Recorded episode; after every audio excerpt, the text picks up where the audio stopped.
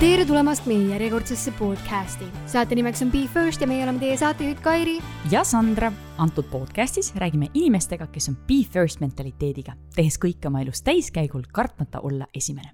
olgu tegu sportlaste, ettevõtjate või muul moel maailma parandajatega. eesmärk on sukelduda nende inimeste mõttemaailma, kes loovad uusi normaalsusi ja suudavad saavutada uskumatuid tulemusi podcastis püüame aru saada, kuidas ka meie, ehk siis tavainimesed, saaksime nende kogemusi ja harjumusi oma elus rakendada paremate tulemuste saavutamiseks. täna on meil saates külas üks väga vinge spordiperekond, isa-poega, kelle teod ja sportlikud saavutused on rõõmustanud kodumaa spordifänne juba aastakümneid. ja tundub, et see trend on jätkumas vägagi tõusvas joones.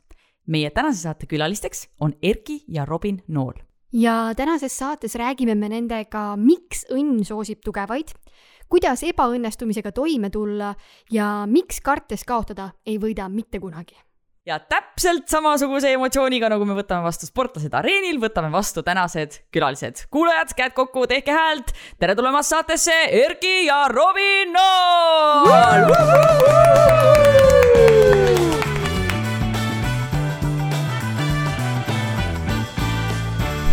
Tere! tervist!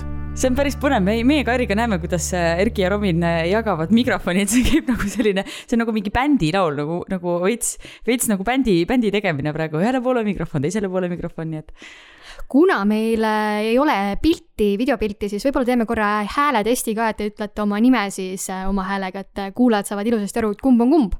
minu nimi Erki Nool. minu nimi Erki Nool, tähendab, minu nimi Robin Nool kõlavad küll võrdlemisi sarnased tämbrid, nii et äh, kas te mehed teate, mis teid täna ees ootab äh, podcast'is? mina mitte, minu jaoks esimene podcast'i kogemus. minul on ka esimene podcast'i kogemus, kuigi ma olen päris mitu tükki kuulanud, siis äh, ma pole ühtegi veel andnud. kas kuulanud hea. Be First podcast'i või mõnda muud podcast'i? mina paar Be First'i olen kuulanud ja Janeku ja Maku oma ma olen kuulanud aa, väga lahe. no ainult kergejõustiklasi. nii et te olete täna siis äh, täiesti Be First on teie, täna teie jaoks, et esimene podcast ja ma arvan, et meil hakkab huvitav, aga siis, äh, siis teil on, äh, siis me peame teile natuke selgitama, mis meil toimuma hakkab. ehk siis me alustame alati igat saadet ühe mänguga. see on esimeste mäng, ehk siis meie alustame lauset ja teie lõpetate ja täpselt nii, nagu te ise tunnete, et tahate vastata, et ja kui ei, seda ei ole kunagi juhtunud, siis te võite pakkuda, et mis see vastus võiks olla. sobib. tehtav, väga äge. Äh, ma ei tea, kas valite kohe ära, kumb hakkab alustama või? ma arvan, et Erki võib alustada, siis mul on nagu sihuke vihje ees, mida ma vastama peaks. okei, reeglid on paigas okay,, no selge. Nonii ma siinkohal ütlen äh, taustasüsteemina ka, et me faktikontrolli ei hakka tegema, et eesmärk on siis äh, teada saada just need esimesed asjad, mis teile pähe kargavad, et äh, kas see nüüd päriselt kronoloogiliselt ka oli esimene, et seda me ei lähe kuhugile arhiividesse välja kaevama. aga kõige esimene asi, mida me küsime. esimene ekstreemsus. Vau, ma arvan, et järves vee torni pealt vette hüppamine. see tuli väga kiiresti praegu, väga konkreetselt, kas see oli siis nii hirmus, et jäi meelde kohe niimoodi? Ma arvan, et ei olnud, aga jah, meil väiksed, me oleme Rõu-, Rõuges Kaussjärve ääres ja kõik eh, vanemad mehed, eh, isegi mäletan, üks traktorist hüppas eh, käed, käed kõrval, hüppas peakat kuuemeetrist tornist, siis ma mõtlesin, et see on uskumatu, et kui ilma käteta suudate hüpata, siis me peaks ka suutma ikkagi jalad ees hüpata, nii et sellepärast on see meelde jäänud. ma küsin korraks juurde, Erki, kui vana sa olid siis, kas sa mäletad? Ma arvan, et mingisugune üheksakümne aastane. no siis see on ikka veel ekstra kõrge. Robin, kuidas sul? kui ma esimese asjana mõtlen nii-öelda ekstreemsuse sõna all, siis mul tuleb ikka meelde mingi teevashüppeseik. ma arvan, et mul tuleb väga hästi meelde üks, üks Eesti meistrivõistlused sees, kui ma olin paar päeva tagasi tulnud Ameerika Ühendriikidest tagasi ja mul oli unerežiim sassis, olin väsinud, kõik oli natuke sassis ja teibaid ei olnud ka. Ja siis seal ma sain nulli seal meistrivõistlustel ja sealt on üks lahe video ka, kuidas ma olen siis suunaga lati poole liikumas keset õhku. Ja um, see oli suht õudne kogemus, et see oli minu jaoks ekstreemne just mõtlesin, et lahe video, et meil on vist erinev arusaam sõna, sõnast lahe kuskil maa ja taeva vahel mingi teib, aga see on, no ma ei tea, ei ole väga selles kindel. no selles suhtes, kui kõik õigesti läheb, siis on tavaline, aga kui, kui midagi sassi läheb, siis seda nii tihti ei juhtu ja see on sihuke lahe no ma arvan, et tavainimesed ei kipu ka päris sinna kõrgustesse, ma mäletan, kuidas mul isa ikka kergejõustiku ajal üritas mind lükata, et ei, teeme teivast, mis kõrgushüppe, teeme teivast, ma olin, ma nii kõrgele küll ei lähe, ei aitäh. Et see on ikka juba iseenesest on äh, spordialana paras ekstreemsus. see on päris hirmus jah, aga me liigume edasi oma järgmise küsimuse juurde. Erki, sinu esimene TikTok. Vau, ma, mulle sõbrad saadavad äh, telefoni peale, aga mõned on sellist üle keskmisega äh, ütleme, mitte võib-olla ropu moodi, aga nagu ikka, mehed saadavad üksteisele selliseid, aga ma ise ei ole küll elus ühtegi veel saatnud. ma nii väga tahaks teada, mis need on, sellepärast et ma tahaks teada, mis, mis, mis siis, mis siis on need Tiktokid, mida mehed teineteisele saadavad. kui sa peaksid saatma, Erki, no või kui sa peaksid tegema ise Tiktoki, siis mis see võiks olla? vaata, tegemise kohta ma ei oska midagi öelda, aga Äh, väga tihti ikkagi mehed saadavad äh, sellist alla, allavööd nalju, nii et eks nad sealkandis kuskil ole kõik. ja eks neid leidub Tiktokis päris palju, eriti eestlaste seas, selles mõttes, et meie huumorisoon on ikkagi kõigil sihuke huvitav. no üldiselt küll, jah. ma siit edasi, edasi rohkem ei küsi. Robin kuna mina olen oma kodutööd natuke teinud, siis ma seon eelmise küsimuse väga ilusti siia küsimusse sisse ja ütlen, et seesama lahe video oli siis minu esimene TikTok ka, mis ma tegin. aga see ei olnud siis mitte mingi eel, tagamõttega, et nagu kuulsaks saada, vaid see oli lihtsalt selleks, et selles on, on nagu lihtne natukene nii-öelda teha video moondamist ja panna teksti juurde värki-särki, siis selle eesmärgiga ma tegin selle me Sandraga tegime täpselt samamoodi, kuna meil oli vaja muusika taha panna, siis me lihtsalt panime video Tiktoki üles ja pärast panime ikkagi Instagram story'sse, nii et sa ei ole ainus, kes seda kasutab niimoodi. aga tänasel hetkel oled muidu aktiivne Tiktokis või pigem mitte? aktiivne ma kindlasti ei oleks, et äh, täpselt samamoodi, et kui keegi saadab midagi, siis ma avan selle ja vahetevahel nii-öelda, kui on taas vaja kasutada seda editimisvõimalust, siis ma kasutan seda no super, vähemalt äh, osad meist ei ole siis Tiktoki sõltuvusse jäänud ja kasutavad oma aega kodus paremini, aga minu järgmine küsimus on teemal esimene kodu. esimene kodu on ilmselt see esimene kodu, kus ma äh, kasvasin mis oli Võrus aga mu enda esimene kodu oli, mille ma hankisin tuhande üheksasaja üheksakümne esimese aasta sügise ja see oli Lasnamäel, Läänemere tee. siit on natuke nagu Ott Kiivikas vibes, sest et Ott Kiivikas on alati see, kes on jaa, täpselt sellel kuupäeval, sellel aastal juhtus täpselt selline asi, nii et äh.... ma arvan, et see käib sportlaste juurde, sellepärast et sa seo- äh,, seostad kuupäevasid äh, aastate ütleme tiitlivõistlustega ja tänu sellele sa mäletad, kus sa käisid laagris kevade või sügise, millist trenni sa tegid, et see paratamatult nagu sportlastel käivad need kuupäevad eh, tänu tiitlivõistlustega kaasas, nii et ja su aju salvestab mingid sellised asjad. Aga kusjuures see on põnev, ma ütlen vaheremargina, et kui ma kuulasin sinu või vaatasin sinu Betsafe'i eh, siis intervjuud eh, Kaleviga, siis sul oli väga täpselt peas ka praeguste näiteks kümnevõistlejate mingisugused ja seal Kötsises sellel kuupäeval oli see, hüppas nii palju ma olin nii, mõtlesin nagu, issand, ma ei mäleta, mida ma eile hommikul sõingi, et kuidas sul nagu sellised asjad meeles on? no ega see on ta-, tavaline, tavapärane, et kui äh, äh, sa küsid äh, mingi naisterahva käest, siis enamus naisterahvad ikka mäletavad, kuna või kus nad oma süütuse kaotasid, aga kui nad oma prillid panid, seda nad ei mäleta, nii et ega see niimoodi inimene salvestabki teatud asjad oma aiu ja mingid asjad ununevad kohe ära väga hea analoogia Robin, räägi sina oma esimesest kodust. no kuna ma pole veel enda raha eest ühtegi kodu ostnud, siis ma arvan, et see peab olema ka see kodu, kus ma siis uh,, kus mind kõigepealt haiglast koju toodi ja see on uh,, me teame seda enda peres nagu kollane maja. ja see on meie praeguse maja vastas. ja rohkem ma vist ei avalikusta et fännid saavad ukse taha minna varsti. Otsime mõelnud- kollast maja. see on nagu veits nagu Kreisi raadio. seal kollase maja kõrval. oota, aga oled sa mõelnud, et milline su esimene maja võiks või esimene kodu võiks välja näha? no jah, et aed võiks olla, kuhu saaks teibamati teha. ja eks äh, ma väga pole nii-öelda mõelnud.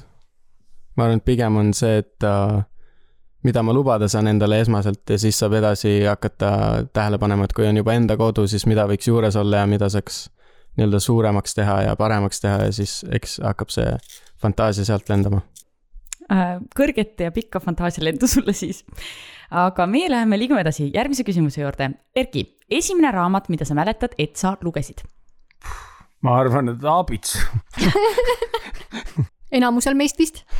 Ma arvan, et esimene raamat, mis ma lugesin, oli ka midagi sarnast, et Aabits või äkki, äkki, äkki oli isegi Tähekese koomiksid või need laste ajakirjad. oi, ma mäletan neid. aga esimene, mida, raamat, mida ma mäletan, et ma oleks lugenud, oli Kääbik. see on üsna hardcore esimese raamatu jaoks. jaa, aga mitte nii hardcore kui äh, Sõrmuste isand näiteks, mille fänn ma olin, aga ma vaatasin filme. Nii et nende raamatuteni ma ei jõudnud, siis ma võtsin Kääbiku, mis on natukene sihuke rahulikum. Erki, kuidas sul on mõni sihuke raamat-raamat peale Aabits, Aabitsa, mis võis esimene olla? kas sa tahad öelda, et ra-, et Abits ei ole raamat, raamat? mul tuleb niimoodi meelde, mis minu lapsepõlves oli hästi selline pop-, populaarne või ma arvan, et kõik lapsed lugesid, on äh, seiklused maalt ja merelt Mm. mm., kõik kogu see nagu äh, tiraas on äh, minu lapsepõlve nagu läbinud äh, lugemisvara. väga hea, aga jätkame järgmise esimesega kohe, ehk siis äh, esimene mobiiltelefon. minu esimene mobiiltelefon, ma arvan, oli tuhat üheksasada üheksakümne kolmandal või neljandal aastal Nokia. kas sa mudelit ka mäletad? Mudelinumbrit ei mäleta, aga ma mäletan esimest no Nokia mobiiltelefoni, mis oli sellise suure kohvri otsas, et minul oli selline järgmine, mis oli nagu, nimetati vist telliskiviks või midagi sääraseks. oi, need olid badass. Robin, mis sul oli? minu esimene telefon oli ka Nokia ja see oli, ma mudeli nime ei tea, aga see oli sihuke uh,, ümbertringi oli punane joon ja siis külje peal olid suured play ja siis mingid muusikanupud. Et sihuke oli minu esimene telefon. Vau, mul ei tule üldse sihuke ette. ma sobran ka praegu ma, oma ma peas otsin pärast ringi, pildi. okei, saada, saada see pilt. me liigume vaikselt edasi. esimene mõte, mis sul täna hommikul oli? ma arvan, et see, et ilm on ilus. kui aknast välja vaatasin. väga positiivne. ma arvan, et mul oli just see, et, et äh, kahju, et päikest ei paista, et ma tahtsin minna metsa trenni. Aga siis, kui ma trenni jõudsin, siis tuli päike välja õnneks. kui varajane trenn sul siis oli, minu arust on kogu aeg päike paistnud täna. no trenn ei olnud väga varajane, ma ärkasin, ma arvan, mingi üheksa paiku ja siis oli sihuke veits pilvine, Hmm, okei, aga ega teda kaua ei olnud, päike tuli varsti välja. eestlasele kohaselt ikka esimese asjana vaatad aknast välja, mõtled, mis see ilm teeb täna. kas saame rahet või saame päikest? aga ähm, küsimus, mis mind väga paelub ja huvitab, on see, et kas te mäletate oma esimest teadlikut valet? ja mis see oli? kui julged tunnistada. no ma, valet ma ei mäleta, ma arvan, et iga inimene on kogu oma teadlikku elu valetanud, eks lap, väiksed lapsed ju, ma arvan, et need ju, need juba, kes äh, esimese samme teevad, et see on inimloomuse sees, et äh, aga ma mäletan ühte asja, mida ma hirmsalt üritasin äh, varjata oma vanaema, vanaisa poolt, ma olin siis ka suhteliselt pisike poiss, ma arvan, üks kümnene või üksteist. Me olime järjekordselt Rõuges, olime talvine aeg ja ma olin oma õega, õega uisutamas ja seal oli sihuke oja tuli järve sisse, mis hoidis järvejääd lahti ja siis ma läksin sinna lähemale, lähemale, lähemale, lõpuks ma kukkusin seal keset järve sisse ja, ja siis ma ronisin sealt kuidagi, sain välja õnneks. ja siis läksime koju, meil oli umbes poolteist kilomeetrit minna poolteist kuni, jah, umbes poolteist kilomeetrit minna, siis õnneks vanaema kedagi kodus ei ole, siis ma triikrauaga sain äh, ära kuivatada oma riided, et seda ma hirmsalt kartsin, et jään vahele. põlise rõuga inimesena mis järv see siis oli selline? Kaussjärv, Kaussjärv. tol ajal oli Kaussjärv, kus inimesed käisid ujumas, nüüd on, nüüd saab äh, Suurjärves käia. Robin, Äh, ma arvan, sarnaselt ma esimest valetamist ei, ei mäleta. Aga ei ma mäletan küll esi-, ja ma ei julge rääkida, kui ma ütlesin, et ma ei teinud seda klaasi katki tegelikult. aga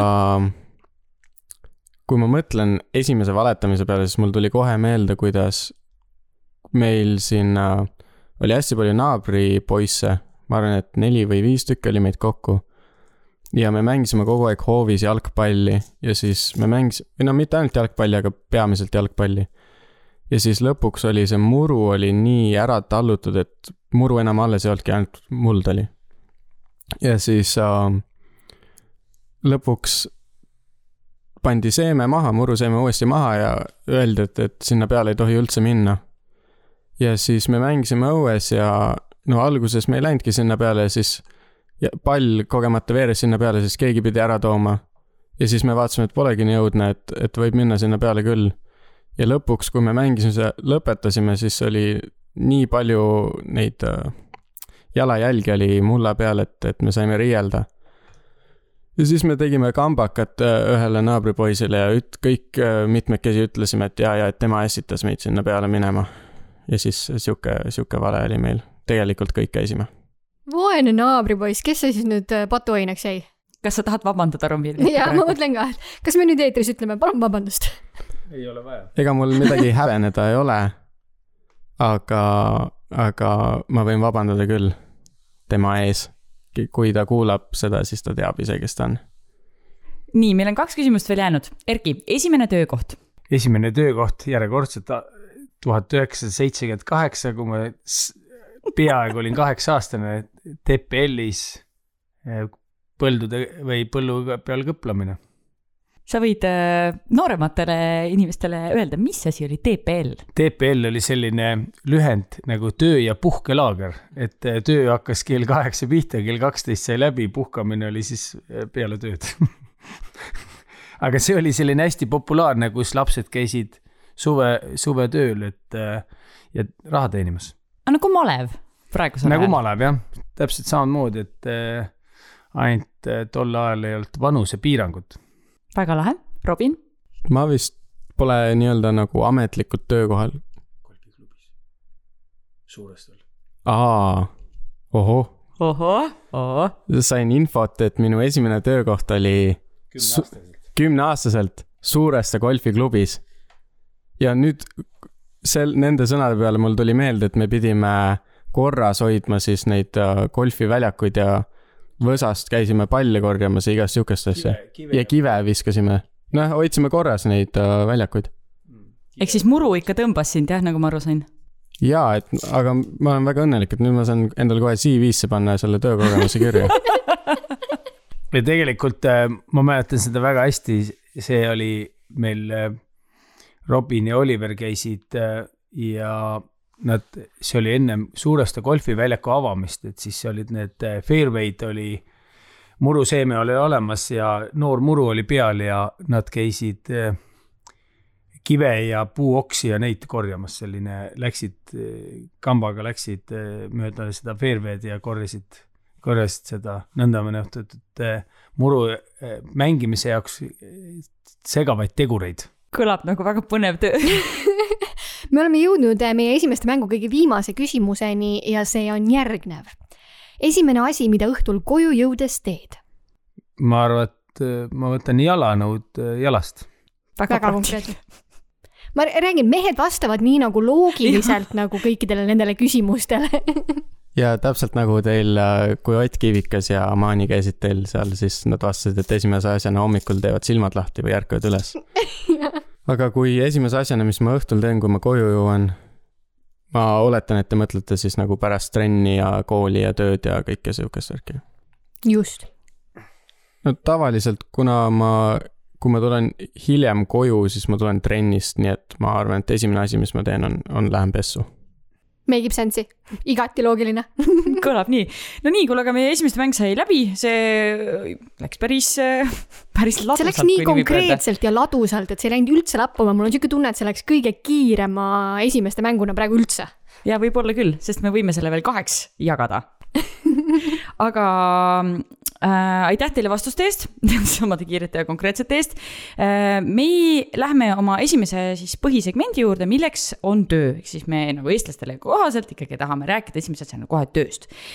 Erki, sina oled äh, võrakas või siis niimoodi võib öelda, maapoiss. kust sai alguse sinu karjäär, et mis olid need peamised põhjused, miks, miks sinust sai sportlane? see, miks must sai mm,, on see ilmselt, et mulle meeldis sporti teha või mitte ilmselt, vaid mulle meeldiski teha.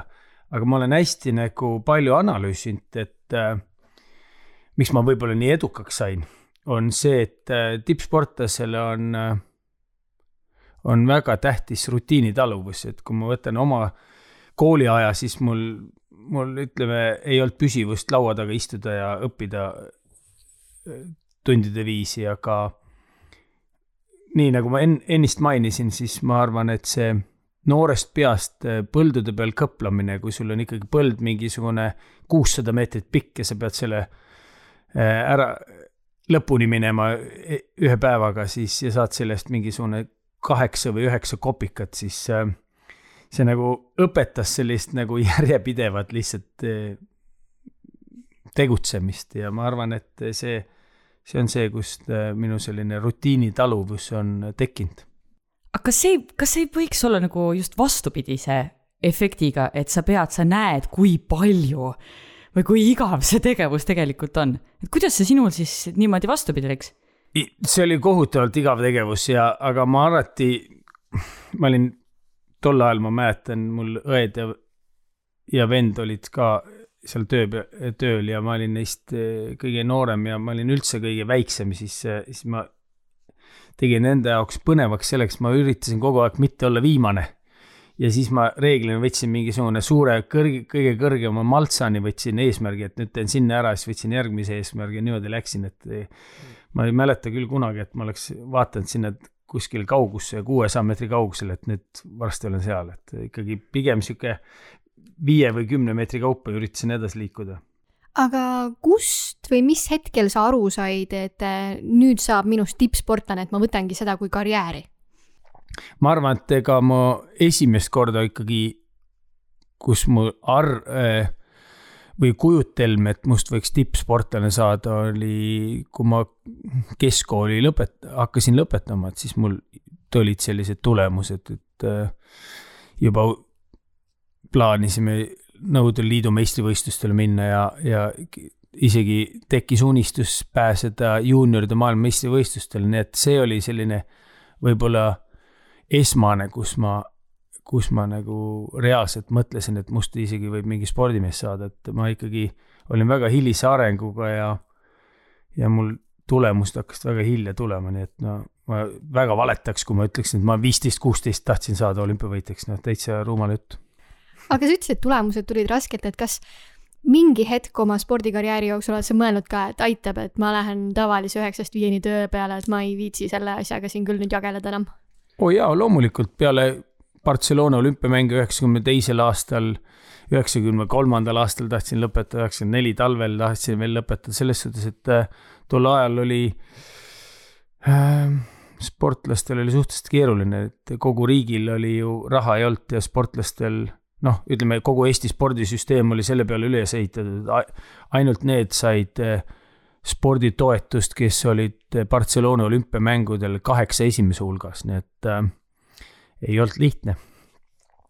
et äh, ma mäletan, kui ma tegime seda autogrammi enda, enda eluloo põhineval raamatut, siis vaatasin vanu märkmeid ja lehe väljalõikeid ja siis äh, üheksakümne kolmandal aastal Eesti kergejõustikus oli selline volikogus, et arutati, et milline võiks olla Eesti ideaalne spordisüsteem, et kui näiteks Eesti meister saaks viissada krooni eh, preemiat ühekordset, hõbemedal saaks kolmsada krooni ja pronksmedal saaks kakssada krooni preemiat, see on siis nagu mingi viisteist eurot ja mida iganes, kakskümmend eurot ja natukene rohkem, nii et, et olid ajad erinevad ja selles suhtes, et selline emotsionaalne eh, mahajätmine või spordist loobumine oli väga tihti. muidugi sellist väga emotsionaalset spordist loobumist on mul väga palju olnud, ütleme ma arvan, et tuhandeid kordi, kui ma ketast heitsin ja kuuli tõukasin, et aga noh, see tavaliselt ühe päevaga läks üle ma panen vahermärkusena, et kui keegi kuulab ja mõtleb, et huvitav, mis spordialast jutt käib, siis see on kümnevõistlus ma tahaks loota, et meie kuulajad on äh, tänaseks hetkeks ennast äh, nii kurssi viinud spordimaailmaga, et saavad aru. aga Robin, räägi korra äh, oma karjäärist ja oma sporditee leidmises, et kuidas sa tunned, kas sul üldse oli valikuvarianti või oli juba ette kirjutatud, et sinust saab sportlane? ja et mina väga palju analüüsima ei pea, et kuidas ma spordini jõudsin ja ja mis mind siia tõi, aga ega mul sihukest sportlas profikarjääri veel ei ole olnud või see pole veel alanud, et ma olen sihuke, pigem sihuke pool proff, et Eesti meistrivõistlustel osalen Eesti koondist esindan, aga elatis sellega ei teeni, samal ajal ma olen täiskohaga õpilane. nii et see karjäär on pigem olnud sihuke hobiga tegelemine kui karjäär, mina ütleks. aga selle, selles ei ole midagi halba, et, et äh, ma muidu sellega ei tegeleks, kui mulle väga ei meeldiks see teevashüpe. aga kas see töömahu pealt ei tundu nagu, et see on nagu full-time job, sest sa pead ikkagi ju väga palju trenni tegema selle jaoks, et tulemusi tuua? see on tõsi jaa, ja eks see ongi sihuke paradoks nendel sportlastel, kes veel ei ole nii-öelda tippsportlased või profisportlased, aga kellel tulemused on täpselt seal piiri peal, et, et üks samm edasi ja võiks hakata karjääri tegema seal, et see on alati selline, ma arvan, raske aeg. ka sul, Erki, oli see raske aeg, kui, kui väga-väga palju teed trenni, aga, aga nii-öelda nagu veel ei ole välja paistnud see tulemuste näol, siis, siis vahest on küll selline tunne, et, et, et, et võib-olla ei peaks nii palju, mitte et võib-olla ei peaks nii palju trenni tegema, aga aga nagu mis nimel sa teed neli tundi, kolm-neli tundi päevas trenni, aga aga jah, nagu Erki ütles, et tavaliselt ühe päevaga lähevad siuksed mõtted üle ja järgmine hommik oled ikka taas staadionil. see on äh, üks minu arvates kõige hämmastavamaid asju Eesti sportlaste juures üldse, kui äh, palju nad tööd rügavad teha ja siis kõrvalt omandavad veel haridust, et äh, kuidas sina balansseerid neid kahte asja? Kuna ma praegu olen üliõpilane ja ma õpin University of Memphis ülikoolis, see on siis Ameerika Ühendriikides, siis äh, mul on hästi vedanud, et ma olen sellises süsteemis, kus äh,, kus ma saan oma aja hästi ära jagada nii õppimise kui, kui spordi peale ja see õppimine, õppimine Ameerika Ühendriikides on, on siis sportlastele väga hästi võimaldatud sellel näol, et sa, sul on eraõpetajad, äh, professorid või siis õppejõud on hästi mõistvad ja, ja kui sa sõidad võistlusele või pead trenni pärast või team meeting'u pärast siis tunnist puuduma, siis, siis sellest midagi ei juhtu. kas see otsus minna välismaale õppima tuli äh, hariduse pärast või sellepärast, et sa saaksid rohkem sporti teha? No tegelikult see otsus oli väga lihtne, et Eestis pole ühtegi head teosõppetreenerit uh, Erki tegel... nägu kõrval on praegu. Oleks meil vaid videopilt. Looks good kill. ei äh,, ega ta tegelikult oli selline kahe maailma liitmine või, või siis äh, ma sain aru, et täpselt see õppimise ja spordi tegemise jaotus seal on hästi mugavaks või hästi meeldivaks tehtud ja kuna minu jaoks on haridus pea sama tähtis kui sport, kui mitte võrdväärne, siis, siis mõlemast maailmast parima saamine on, on nagu tähtis. ma võib-olla lisaksin lihtsalt kõrvalt, et äh, selleks, et äh, mingites teatud alades teha maailma tasemel tulemus, sul oleks vaja treeningpartnereid, kes oleks enam-vähem samal tasemel või ideaalvariandis isegi paremad ja et ja sa saaks ka võistelda kogu aeg endast parematega, et äh, paratamatult Eestis on ikkagi, kui sa Eestis treenid ja õpid, siis sa põhiajal ikkagi võistled äh, vähemalt talvisel hooajal Eestis ja sul, kui sul konkurenti ei ole, siis sa ei saa ka nii palju areneda, areneda, nii et ma arvan, see on selline kompromisside vajadus. mul tegelikult jäi natukene kripeldama ka, et Eestis on tegelikult väga palju andekaid teosüppajaid ja väga tarke treenereid ja tulemused viimasel ajal ka, ma arvan, näitavad seda. väga ilusasti save itud siin lõpus täpselt. Erki, kui palju sa üldse Erki, kui palju sa üldse oled äh, Robinit äh, suunanud tema nii-öelda otsuste ja valikute tegemisel äh, sportlasena? ma arvan, mingil määral ikka olen, et noh, ma arvan, et ükski lapsevanem ei peaks seda hä häbenema, et nad on oma lapsi suunanud ja ega lõpuks lapsed ikkagi valivad oma tee, aga mingis momendis vanemate või vanemate roll on nii või naa väga suur laste arene, arengul. nii et äh, jah, mulle, mulle meeldis, endale mulle väga teivashüpe meeldib. Äh, loomulikult Robin on sar-, sarnane tüüp nagu mina suhteliselt hiljase arenguga, nii et äh, teivashüpe oli üks selliseid alasid, millega ta oleks olnud võimeline või ta oli võimeline ütleme, konkurenti pakkuma omaealiste poistega, nii et see oli, see oli üks põhjus, samas teivashüpe, ma arvan, treenimine on väga emotsionaalne ja huvitav spordiala, nii et loomulikult pika jutu peale otse ütlen seda, et loomulikult on suunad, ega mis ma siin salat-, sal-, salgan. Aga Robin, ma küsin vahele, et äh, vaata, Erki mainis, et on hästi oluline see, et teil oleks äh, inimesed, kellega siis võrdväärsed vastased, kellega võistelda. ma, ma ei tea, kas ma varan nüüd õigesti, aga sinu Eesti rekord on vist kakskümmend sentimeetrit vähem kui Erkil. Erki minu arust teisel kohal peaks olema praegu Eesti, Eesti meistri või Eesti äh, siis äh, rekordi omanikuna või tähendab te, jah. Eesti kõigi aegade edetabelis. täpselt ja. Kas see ka kuidagi on motiveeriv, et see number seal ees, kuigi see saavutus on tehtud juba aastaid tagasi no eks, eks ta motiveeriv on ikka selles suhtes, et äh, viis kuuskümmend ei ole, ei ole madal tulemus ja Eesti kõigi aegade teine tulemus on võib-olla isegi ahvatlevam kui see number um,. aga ma ei ütleks, et see oleks minu põhiline motivaator, ma arvan, et see on pigem selline nagu üks samm nende eesmärkide redelil või trepil. et uh, ja ma julgeks väita, et kui seda eriolukorda ja raskeid aegu poleks see aasta tulnud, siis võib-olla oleks saanud selle sammuga selja taha jätta see suvi. nii et, või noh, tegelikult eks aega veel on, aga, aga selles suhtes, et see ei ole, see ei ole selline peamine motivaator, vaid pigem üks eesmärk pikal, pikal eesmärkide jadal.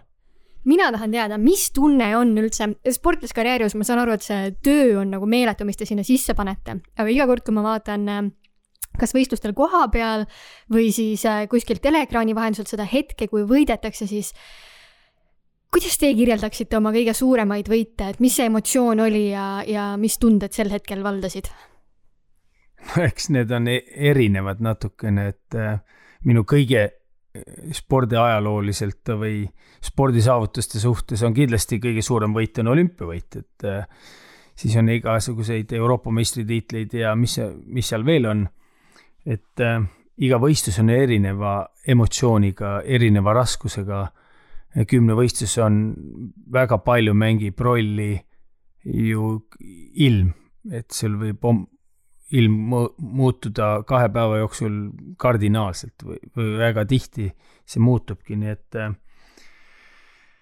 eks ta on väga, väga nagu raske nagu kirjeldada, et see võib-olla kui võtan oma Sydney olümpiamängude emotsiooni, siis minu käest on mustmiljon korda küsitud, et mis tunne on autestamis pedestaja peal olla, siis ma olen alati üritanud vastata seda, et et sa istud seal või seisad selle pjedestaali peal ja siis sa mõtled, et kõik need otsused, on need väärad või õiged olnud, lõppkokkuvõttes on olnud õiged, et sa oled teinud oma, oma pikal teel nii palju otsuseid ja lõpuks sa oled saanud selle ülima, mida sa oled nagu ta-, taodeldud, nii et äh, see on nagu tänu su kogu pingutuse ja keskendumise peale kas ma küsin, kas on olnud mõni selline pjedestaal ka, kus sa lähed sinna peale, sa tead, et sa peaksid olema õnnelik ja uhke, aga sa mingil põhjusel ei ole?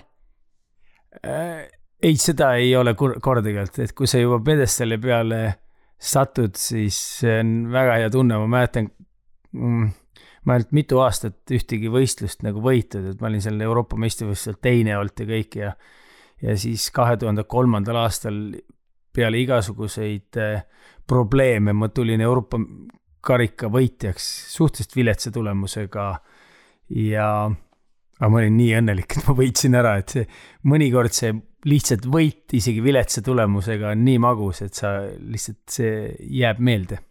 Robin, kuidas sinul on? kõige eredamalt on meeles esimene Eesti meistritiitel kaks tuhat, ma tahan öelda seitse, ei, kaks tuhat kuusteist talvel. ma arvan, et oli kuusteist, sest seitseteist oli viis, seitse, jah, kaks tuhat kuusteist talvel um,. ma siis hüppasin esimest korda viis meetrit ja tulin Eesti meistriks. ja kui ma, kui ma mõtlen, mis tunded mind valdasid, siis ma natukene tundsin, et see oli nagu vedamise peale läinud, sellepärast et Sander Moldau sai nulli ja kes oli siis um, minu vanuseklassis kõvem mees. ja siis tänu sellele ma sain võita, aga ega kui pjedestaalile astusin, siis oli ikka noh, hea tunne selles suhtes, et ma polnud varem mingit nii suurt võitu saanud ja ma tundsin, et, et lõpuks on need äh, töötunnid nagu arvesse läinud. kui palju üldse mängib nii-öelda sportlase karjääri juures rolli õnn? ma arvan, et um, mitte ainult sportlaskarjääri, aga terves elus on õnnel suurem, mitte võib-olla isegi õnnel, aga sihukesel teadmatusel või juhuslikkusel on suurem roll, kui inimesed tahavad endale tunnistada. isegi kui mitte siis nii-öelda õnnelik juhuslikkus nagu ehk õnn, et kellelgi, keegi saab teosõppes nulli, vaid siis siuksed väiksed äh, sündmused, mida sa ei suuda ette arve, arvestada, näiteks et, et äh, näiteks ütleme, et su konkurent ebaõnnestub sellepärast, et tema akna taga eelmine öö koerad haukusid ja ta ei saanud üldse magada, et, et see on sihuke juhuslikkus, see on ainult näide. et ma arvan, et sihukestel väikestel sündmustel on suurem efekt igal eluaspektil, kui me tahame endale tunnistada, aga eks lõpuks on ikkagi see, et õnn soosib neid tugevaid, vist on selline ütlus. on selline ütlus. teate, ma sain alles praegu nüüd sellest ütlusest päriselt aru. ma, ma ei ole kunagi, ma tean seda ütlust, aga ma pole kuidagi mõelnud selle peale varasemalt. ja see on väga õige. ühesõnaga siis, et, et õnne ära kasutada või et õnn sinu heaks töötaks, sa pead olema piisavalt palju vaeva näinud, et olla selles olukorras, et õnn sind aitaks. kirjutasin selle üles. Erki, kuidas sinu kogemuse baasil on, et äh, kui palju on õnn mänginud rolli sinu karjääris? oo, kindlasti mängib, et äh, mul on äh, ebaõnni ka olnud väga palju, et kui, kui ma võtan, kui palju ma olen elus hüpanud kaugust alla sentimeetri üle ja astunud üle kaheksa meetri hüppeid, et ma arvan, neid on umbes kümme tükki vähemalt, aga aga see on nagu ebaõnn. aga ükskord on mul ikka tõelist õnne ka olnud, on, see on Sydney kettaheide, et äh, tegelikult on äh, Barcelonas sain kolmandal katsel kettaheite tulemuse kirja, Atlantas ma mäletan, kui oli kaks katset, oli null ja alustasin liiga kiiresti, siis sain kuskilt käe, vasaku käega sain kettast pidama, et sain aru, et liiga kiiresti alustanud, oleks tulnud null, null, nii et äh, selliseid äh, sport, spordis on ikkagi, õnn käib käsikäes ebaõnnestumistega ja noh, võtame ka kasvõi teivashüppe või kõrgushüppes. mõnikord lähed vastu latti, latt jääb äh, peale hüppama, postide peale hüppama, jääb peale. ja siis tänu sellele saad järgmise hüppe hüpata ja võib-olla teed isikliku rekordi, aga poleks eelmine katse äh, peale jäänud, oleks võistlus läbi olnud, nii et äh, ilma õnneta ma arvan, et ei saagi sporti teha, sellepärast korvpallis on samamoodi, et üks võistkond kaotab äh, ühe punktiga ja peab ju seda ütlema, et kellelgi oli rohkem õnne, ühel võistkonnal rohkem õnne kui teisel, nii et õnn on äh, paratamatu elu osa väga ilusti öeldud. küsimus on ainult, kuidas seda õnne ohjata, et kuidas seda enda juurde hästi palju tuua õnne ohjata, ma ütlen, see on väga lihtne selles suhtes, et tippspordis sa pead lihtsalt rohkem tööd tegema ja nii nagu Robin ütles, et tuleb õnn sinu juurde, et äh, kui sa teed mingit teatud tasemel sooritusi teatud palju arvi, siis see äh, õnnestumisprotsent ongi väga kõrge ja tänu sellele sulle riputataksegi teatud karva medaleid kaela. Rohkem kui kellelegi teisele, kes on, ütleme, samal ajal vaatab Netflixis eh, filme, kui teine teeb trenni, nii et nii lihtne see ongi aga kui vaadata Netflixist äh, näiteks seda, kui keegi te-, no lihtsalt, ma seda vist ei saa Netflixist vaadata, aga kui sa vaatad, kuidas keegi teine hüppab ja õpid te tema pealt, kas see on ka kuidagi töö? Äh, visuaalne vaatamine või visuaalne pilt või salvestamine loomulikult aitab äh, sportlast, et äh, kui sul on ajus kujutelm, kuidas peaks mingit sooritust tegema, siis see loomulikult aitab, sellepärast ju sportlased vaatavad ka enda sooritusi video pealt, et äh, arendada sa kasvõi see, et are-, aru saada, mida sul treener ütleb kõrvale, et sul nagu kaks see sõnaline ja visuaalne osa läks kokku, et need on väga tähtsad, nii et kui inimene, ütleme, kes on koordineeritud, on vaadanud elus hästi palju tennist või mäesuusatamist, siis ta läheb esimest korda mäe, mäe peale, ta saab tegelikult hakkama, kui ta on koordineeritud, sellepärast et tal on mingisugune ajusopis on mingisugune liigutusmälu on olemas, kuigi ta ei ole seda teinud. nii et äh, vaatamine on ikka ja, ja vaatad kogu aeg ko komöödiaid, siis võib-olla mõnikord tuleb hea nali ka endal ka välja. Ehk siis äh, me rääkisime sellisest äh, visuaalsest vaatamisest, aga kui sa näiteks, Erki, mõtled selle peale, et äh, kui palju tegelikult on meie maailm arenenud tehnoloogilises mõttes praegu, see versus see, mis on praegu versus see, need võimalused, mis olid sinul siis mis sa arvad, kui palju see tehnoloogia areng on tegelikult aidanud äh, tippspordi arenemisele kaasa? võta kasvõi tossud, püksid, teibad, paku mõõtmine. no kindlasti on aidanud, noh, esimene asi on kindlasti, mis sportlasi aitab, on tänapäeval mobiiltelefon ja iPadid noh, salvestavad suhteliselt hea kvaliteediga, sa saad kohe vaadata suurel ekraanil visuaalselt, see ma mäletan, kui ma ostsin endale Canoni eh, videokaamera, mis oli väikse silmaga, et siis hästi, no see oli, treeneril oli üli ebamugav seda filmida. treener ei, siis ei näinud ju mitte midagi, eks, ja et kogu see protsess oli nii vaevarikas ja problemaatiline, kasvõi kiiruseaparaadid, mida iganes, lisa, lisaasjad. teine tehnoloogia, tänapäeva sportlased omavahel üle interneti saavad suhelda, kes mingit trenni teeb, sa saad kogemusi jagada, mida varem absoluutselt ei olnud, sa võtsid äh, riiuli pealt äh, ühe vene, vene treenerite sihukese uhuu raamatu, eks, ja, ja selle alusel vaatasid, kas noh, üritasid oma treeningplaane koostada, et tänasel hetkel Robin saab helistada Mondole ja küsida, et kuidas ta trenni teeb, et ja siis ise analüüsida, et need ja sportlased tänu tehnoloogiale saavad, tippsportlane saab öelda, et kuule, sa võiks seda või treener kuskil maailma teises otsas Austraalias või ma ei tea, Ameerikas öelda, et äkki sa korrigeerid seda ja seda, nii et eh, see on mm,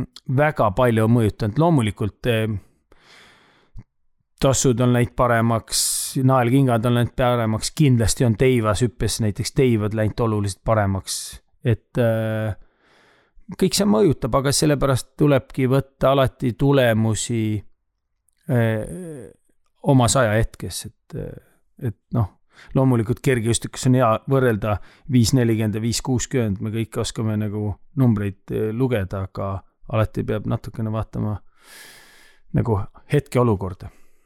Robin, kuidas sa tunned, kas sind on kuidagi aidanud erinevad tehnoloogiad selle jaoks, et olla parem sportlane? kindlasti on selles suhtes, et nagu Erki mainis, et see võimalus, et treener salvestab su hüpet ja siis kui ta ütleb kõrvalt mingi vihje või mingi eesmärgi, mida sa pead täitma ja sa päris täpselt aru ei saa, kuidas see peaks esiteks välja nägema ja mi-, mis see tunne peaks olema siis, kui sa saad vaadata treeneriga koos seda videot ja treener selle pealt siis seletab sulle uh,, mida ta mõtleb või mida ta tahaks näha sinu hüppes, siis teevashüppes rääkides, siis uh, on kõvasti lihtsam endale visualiseerida, milline see peaks välja nägema või milline sinu hüpe välja nägi, sest väga tihti on see, et tunda, tundub, et endale tundub, et jube hästi tuli välja, et see on nüüd tehniliselt perfektne hüpe ja siis sa vaatad seda videot ja siis sa kohe paned suu kinni. Aga kui palju sa üldse tunned, et äh, sportlasel on vaja teadmisi oma spordiala, oma keha, oma tehnoloogiate, asjade kohta, et äh, kas peaks usaldama kogu aeg treenerit või peaks ise olema asjadega hästi kursis? sest sa läksid ka ju, mida sa õpid hetkel ülikoolis? ma õpin sellist eriala nagu Physics for Medical Science ehk siis füüsika meditsiiniteaduse kontsentratsiooniga. kas see reaalselt okay. rakendub kuidagi ka sinu äh, spordivaldkonda? eks otsene mingi aplikatsioon on ikka olemas selles suhtes, et kui sihukesest klassikalisest mehaanikast on arusaam, siis võib-olla suudad järelduse teha, et um, teosõppes kiirus on nagu kõige alus ja, ja muud sellised äh, nüansid saad selgeks, aga sellele esimesele küsimusele ma ütleks küll, et, et pimesi ei tohiks treenerit uskuda, et peaks, iga sportlane peaks kogu aeg võib-olla isegi nagu, nagu natukene sihuke pinda käivalt küsima kogu aeg, miks ja mida see aitab ja mitte, mitte paha pärast, aga lihtsalt sellepärast, et ise aru saada, miks see tähtis on ja miks mingit asja peab tegema. ma võib-olla täiendaksin, et ma arvan, et ei ole perfektset treenerit pole olemas, et äh, tippsportlane on ikkagi olümpiamängude saja meetri joone taga üksi. treener on aidanud teda sinna viia. aga tippsportlaseks kujunemisel, ma arvan, ikkagi on kõige tähtsam sportlase enese kuulamine, enesetunnetus, et äh, kasvõi no ütleme, sportlane peab õppima seda, et kui ta teeb, saab vigastuse, millisel tasemel see vigastus on, kas see on tänasene kramp, see on kerge vigastus või on tõsine vigastus. et seda ei tea, ei saa ükski treener, ükski arst e-, esi-, esmapilgul öelda, et selline sportlane peab õppima iseseisvalt nagu enda keha tunnetama ja, ja treener on ainult, ma arvan, sportlase jaoks kõrvalpersoon, kes aitab seda nagu võib-olla teed lihtsamaks viia või, või seda tulemusi tänu oma kogemusele nagu eh, tõsta. aga ilma mm, sisemise tunnetuseta sportlane ei saa kunagi tippu, et mina, meil on Eestis üks äh, varem oli hästi kuulus ja kõva treener, kes kogu aeg rääkis, et reede hommiku ja kell kaheksateist kolmkümmend viis me oleme või reede õhtul kaheksateist kolmkümmend viis me oleme, see vorm on hea või laupäeva peale lõunat on alles vorm, et see, see, et me kolmapäeval olime viletsas vormis, et et see ei tähenda midagi, et see on selline täisjama, et noh, sellist asja nagu tegelikult ei ole, et et äh, tippspordis on ikkagi sportlane A ja O, treener on lihtsalt abistav persoon no üks asi on see füüsiline vorm, aga teine osa on, on see vaimne vorm, et eh, see, mis, mis siis toimub inimese või sportlase peas. et mis, mis sa ise tunnetate, et mis on need eh, peamised iseloomuomadused, mis peaksid olema väga heal tippsportlasel? ja võib-olla lisaküsimusena, kuidas need saada, saavutada? Tippspordis, eh, ega tippspordis on ju kui me võtame saja meetri jooksjad, siis nad ju füüsilistest võimetelt on praktiliselt kõik kaheksa alati samad või enam-vähem samad. noh, keegi teeb mingit asja paremini, keegi teeb teist asja parem, aga kui me võtame olümpiamängude kaheksa finalisti sajas meetris, kõik nad on võrdsed. kui me võtame Ateena olümpiamängude esimese ja viienda koha vahe on viis sajandikku, siis äh, need esimesed kolm on kogu aeg said medaleid. Need vaimne osa on ikkagi tippspordis kõige, kõige suurem selles suhtes, et rinnalt surumist arendada, noh, ei ole väga keeruline, aga seda rakendada spordis on hoopis teine küsimus, nii et vaimu pool on väga tähtis, aga seda on võimalik treenida ka teatud tasemel ainult. kuidas sina seda tegid?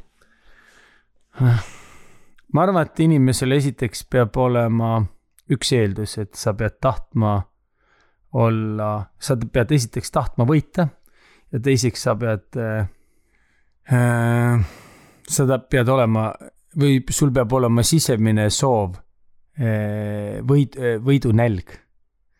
ja kui sul need asjad on olemas, siis on natukene lihtsam. loomulikult üks, ma arvan, tippspordi üks reegel on see, et kui sa kardad kaotada, sa ei hakka mitte kunagi võitma. nii et äh, et sa ju treenidki selleks, et saada paremaks, aga selleks, et paremaks saada, sa pead ju arvestama, et sa võid ka ebaõnnestuda ja kui sa kardad ebaõnnestuda, siis sa ei saa jälle paremaks, nii et eks see treenimisprotsess peabki üles ehitatud olema niimoodi, et kunagi ma mäletan tuhat üheksasaja kaheksakümnendal aastal üks Poola teivashüppe Kosakevits, äh, kes tuli olümpiavõitjaks, ta teadis, et venelased, kes olid väga kõvad teivashüppes, äh, et nad hakkavad vilistama talle niikuinii ja seda, see toimuski Moskva olümpiamängudel. siis ta treenis niimoodi, et taoti trummide ja asjadega, tehti lärmi, ta harjuks ära selle nagu negatiivse nagu emotsiooniga hakkama saama ja ta, ta oli valmis minema Moskva olümpiamängude staadionile ja, ja valmis võitma ja ta tegi kõik selleks, et olla valmis. et äh, aga see, selline kogemus juba tuleb treenerite, kel, kes on olnud Äh, olümpiatasemel sportlaste kõrval ja kes teab, kuidas valmistada ette äh, sportlast, et mina olen selles suhtes nende äh, spordipsühholoogiga väga pessimistlik, selles suhtes, et kui sa lähed saja tuhande pealtvaatajad ette, siis kahjuks peab kellelgi olema see kogemus, kuidas selle hakkama saada. ja selleks, ma arvan, kõige parem persoon, treener, kes on kogenud ise seda va varasemalt Robin, kuidas sina valmistud äh, vaimselt enne võistlusi? ma arvan, et sellist vaimset ettevalmistust, noh, nagu Erki ütles, ma pole saja tuhande inimese ees veel võistelnud, nii et sellist erilist või spetsialiseerunud just vaimse poole ettevalmistust ma pole teinud, aga tavaliselt kujuneb välja minu võistluseelne rutiin siis või mõte, see telg on selline, et ma, kui ma hakkan närvi minema vaikselt, siis ma võtan kas äh, mingit telefoni või, või võtan netist mõne minust parema teivashüppe videod ette ja vaatan need läbi ja siis mõtlen, et olen ise sama kõva vend. Või siis ma mõtlen täpselt läbi, kuidas iga liigutus teivashüppes, nagu mis tunde see mulle annab, kui ma hüppan ja siis see kuidagi rahustab mind maha enne võistlust. ehk siis ühe suurepärase hüppe läbimõtlemine samal ajal, kui ma pikutan voodis, on, on mul väga palju aidanud. no see visualiseerimine väga, väga lahe. Ja mõtled ka selle peale, oo, äh, eil, eile õppisin äh, koolis loengus sellist asja, nüüd paneks selle teiba sellise nurga alla, siis see paine on selline, selline, siis ta viskab mind sealt üles, sest et ma nüüd olen kaks kilo kergem. see on, aga see on, see on ju füüsika ju kõik, et äh, päris, päris huvitav. Et Sandra, lähed proovid järgi, ei, mitte mingil juhul, ma vaatan neid ja see on nagu asi, mis ma mõtlen, hell no naiste spordis kaks kilo mõjutab väga palju, meeste spordis nii palju ei mõjuta. väga hea, et ma tippsportlane ei ole. karantiin ei mõju hästi, jah? Nope, absoluutselt mitte mina natukene läheksin võib-olla mm, järgmise teema juurde, et me juba karjäärist natukene rääkisime, aga ma tahaks teada, mis on äh, teie arvamus selles osas, et millist rolli kannab sportlane meie ühiskonnas tänasel päeval? Ma arvan, et sportlane kandnud äh, samasugust rolli äh, kogu aja, et on tippsportlased on reeglina ikkagi just noortele äh, eeskujuks, et selles kõige klassikalises paremas mõttes, et kui tippsportlane teeb suurepärast tulemust kusagil tiitlivõistlusel ja seda näidatakse teles ja see süstib liikumistungi eh, lastele ja nad tänu sellele lähevad trenni või lähevad kohe otse jooksma, siis see on, see ongi see, mida nagu tippsportlane peaks ühiskonnale tagasi andma, et eh, mida rohkem inimesed liiguvad, seda tervemad nad on, et see on niisugune lihtne üldistatud pilt, aga ma arvan, see eeskujuks olemine tippsportlastele ongi ilmselt kõige suurem nagu tagasiside ühiskonnale või tagasi panu-, tagasi, panus ühiskonnale tagasi. aga kuidas sulle tundub, kas see info jõuab nende noorteni, sest et kui me vaatame statistikat, siis tegelikult äh, laste rasvumise protsent on ikkagi väga kiires äh, tõusutrendis. no kindlasti et..., aga ega see liikumise protsent on, äh, laste aktiivne liikumine on ikkagi ju, need, kes trennides käivad, on enam-vähem viimase kolmekümne, neljakümne aasta jooksul ju sama olnud, et lihtsalt täna inimesed tarbivad energiat rohkem keskmine inimene, kui ta eh, ära kulutab, nii et eh, see on see ühiskonna paratamatus, et, eh, et kui me võtame niisuguse mustvalge statistika, et nelikümmend aastat tagasi kümneaastane poiss liikus, sai füüsilist aktiivsust kümme korda rohkem kui tänapäeval, siis aga igas toiduaines on natukene rohkem suhkur kui nelikümmend aastat tagasi, nii et siis see ongi see Eh, resultaat, visuaalne resultaat kuigi ma pean ütlema, et kui me Erki sinu videot jagasime, kus sa jagasid oma seda kolme nippi, kuidas terve püsida, siis see levis nagu kulu tuli seal üle kahesaja tuhande inimese, kelleni see jõudis, ehk siis see sõnum levib ilusasti. ja see oli orgaaniliselt puhtalt lihtsalt kõik jagasid ja levitasid. Aga Robin, kuidas sinul on, kas sa tunnetad, et sa oled eeskuju tänasel hetkel noortele ja vastavalt käitud ka näiteks sotsiaalmeedias teistmoodi või? Ma ei tea, kas ma eeskujuks noortele olen, ma loodan, et ma olen või ma olen piisavalt äh, üllas, et, et olla eeskujuks, aga, aga eks see mm, nii-öelda mõte, et ma olen sportlane, kindlasti mõjutab minu otsuseid ja minu äh, tegevusi. isegi kui ma sellele aktiivselt ei mõtle kas see küsimus võib-olla tuleb teile mõlemale, et kas te näete, et äh, kui me võtame Eesti spordi, Eesti spordi juhtimise, et kas Eesti spordis saaks midagi teha veel paremini, et see motivatsioon ja inspiratsioon jõuaks nende noorteni? sest mulle tundub natuke, et siin on selline, kuidas ma ütlen, nagu mm, põlvkondade vahe et et äh, kas siin oleks midagi, mida teie, teie arvates saaks teha paremini?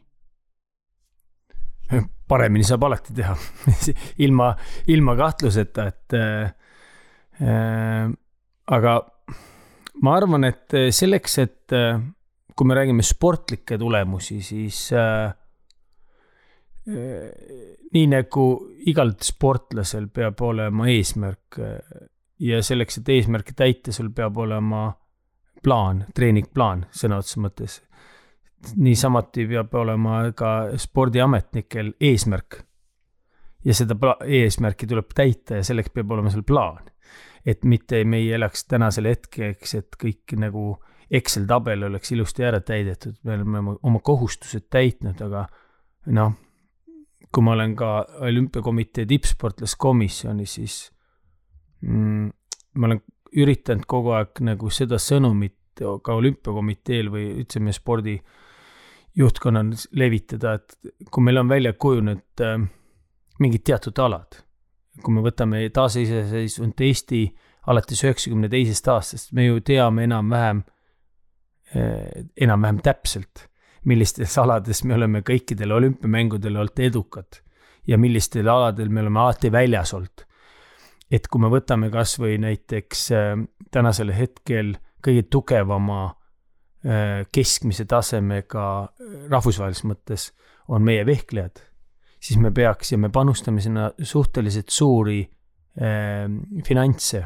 riiklikke finantse, siis me peaks ikka olema julgemad jälgima, et ka juuniorid kogu aeg saavad medaleid nii nagu leedukad teevad oma korvpallis, kui ikkagi leedukas, leedukad ikka Euroopa meistrivõistlustel noorte tasemel medalit ei saa, siis tre-, treenerite pead lendavad.